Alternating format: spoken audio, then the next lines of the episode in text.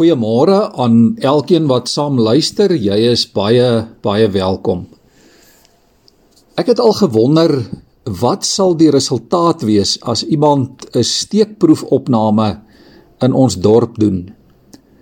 As 'n anonieme persoon byvoorbeeld iewerster op 'n straathoek staan en vir almal wat verbykom net een vraag vra. Die vraag: Is jy 'n Christen? Liewe vriende, ek sal nogal baie graag die antwoorde wil hoor en die reaksies wil sien.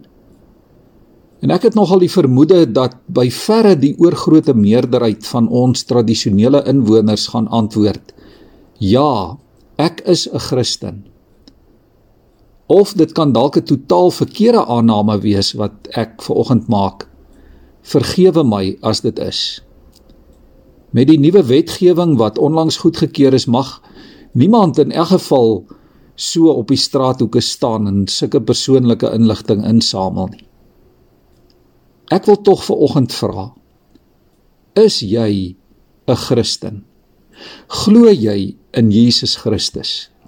Is jy 'n volgeling van die Here Jesus? Want as ons sê ons is, dan moet ons ons belydenis begin leef. En saam met ons belydenis gaan 'n verantwoordelikheid.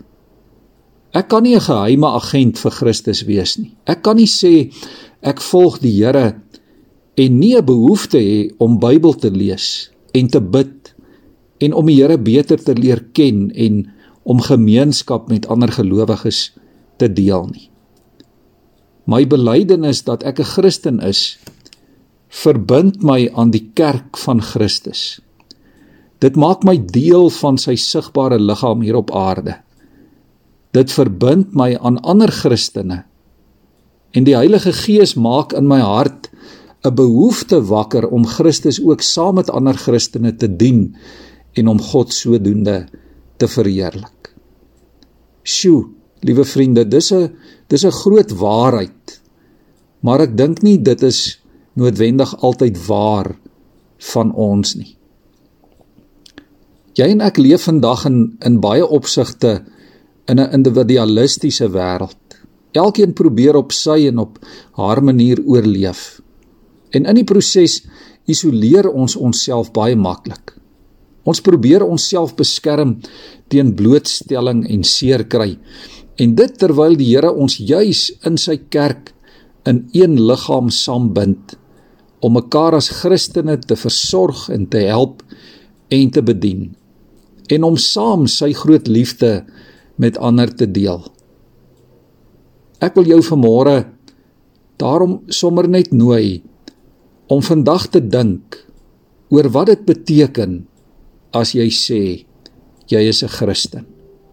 Wat is die implikasie daarvan in jou verhouding met ander Christene en ook in jou verhouding met die Christelike gemeente waarvan jy moontlik deel is?